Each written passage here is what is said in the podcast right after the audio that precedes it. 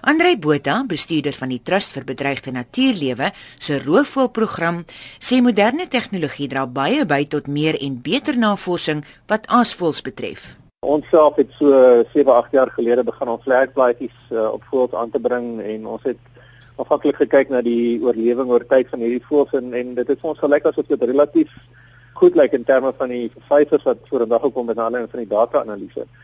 Maar ek dink nie dit het vir ons regtig goeie fynskaal data gegee in terme van die bewegings van hierdie voëls waarna toe gaan hulle waar word potensieel blootgestel aan mortaliteitsfaktore en bedreigings binne en buite bewaringsgebiede nie. So ons het nou hierdie projek uh, geloods van verlede jaar af en weet as ek praat van die laafveld dan kyk ons baie breër as wat meeste mense waarskynlik die laafveld as sulks sou beskou. Ons kyk van die suidelike dele van Zimbabwe af deur die laafveld Limpopo en Mpumalanga. Uh, ons kyk ook na Swaziland en dan in die noordelike dele van Zululand.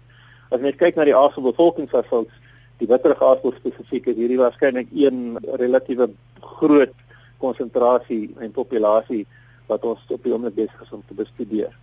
Botha sê as deel van die Grasland Aasvoël projek is 3 aasvoëls, een volwasse en twee jonger aasvoëls met sonkrag aangedrewe opsporingsapparate toegerus. Ons het hier in Maart maand naby Dundee by 'n aasvoëlvoerplek op 'n boerseplaas het ons aasvoëls gevang. ons het so 32 van hulle met vlekplate toegerus en van die 32 het ons 3 toegerus met uh, opsporingsstelsels wat gebaseer is op GPS tegnologie en wat dan ook vir ons syne deurgee deur die selfoonnetwerk uh, plaaslik en internasionaal.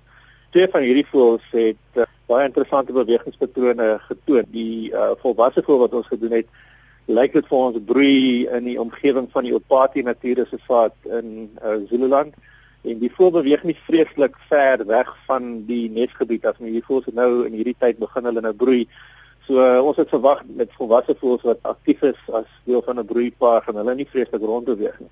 Botha sê die verskil tussen die jonger en ouer voëls kan nou duidelik gesien word deur middel van moderne tegnologie. Die eerste voël het binne die eerste paar dae het hy eers in 'n suidwestelike rigting gevlieg, 'n draai gemaak by Harry Smit in die Vrystaat toe sy weer terug en uiteindelik hier op in die, in die Pongola area van Noord-Natal.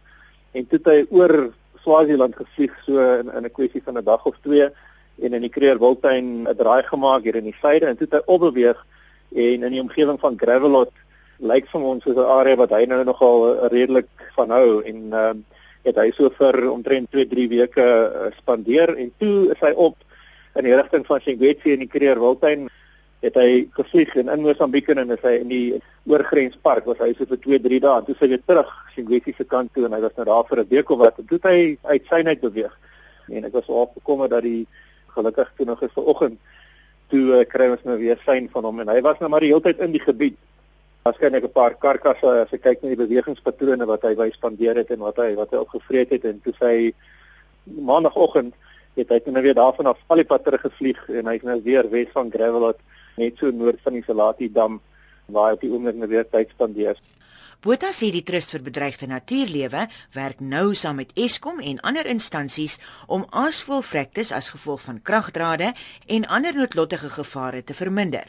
Hy vra dat hy gekontak word indien iemand op 'n aasvoël wat met 'n geel plaatjie geplaat is afkom.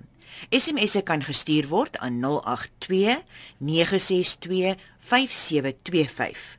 Botha se e-posadres is andrey.b@ewt.org www.rsg.co.za. Amanda Kutse in Nelspruit.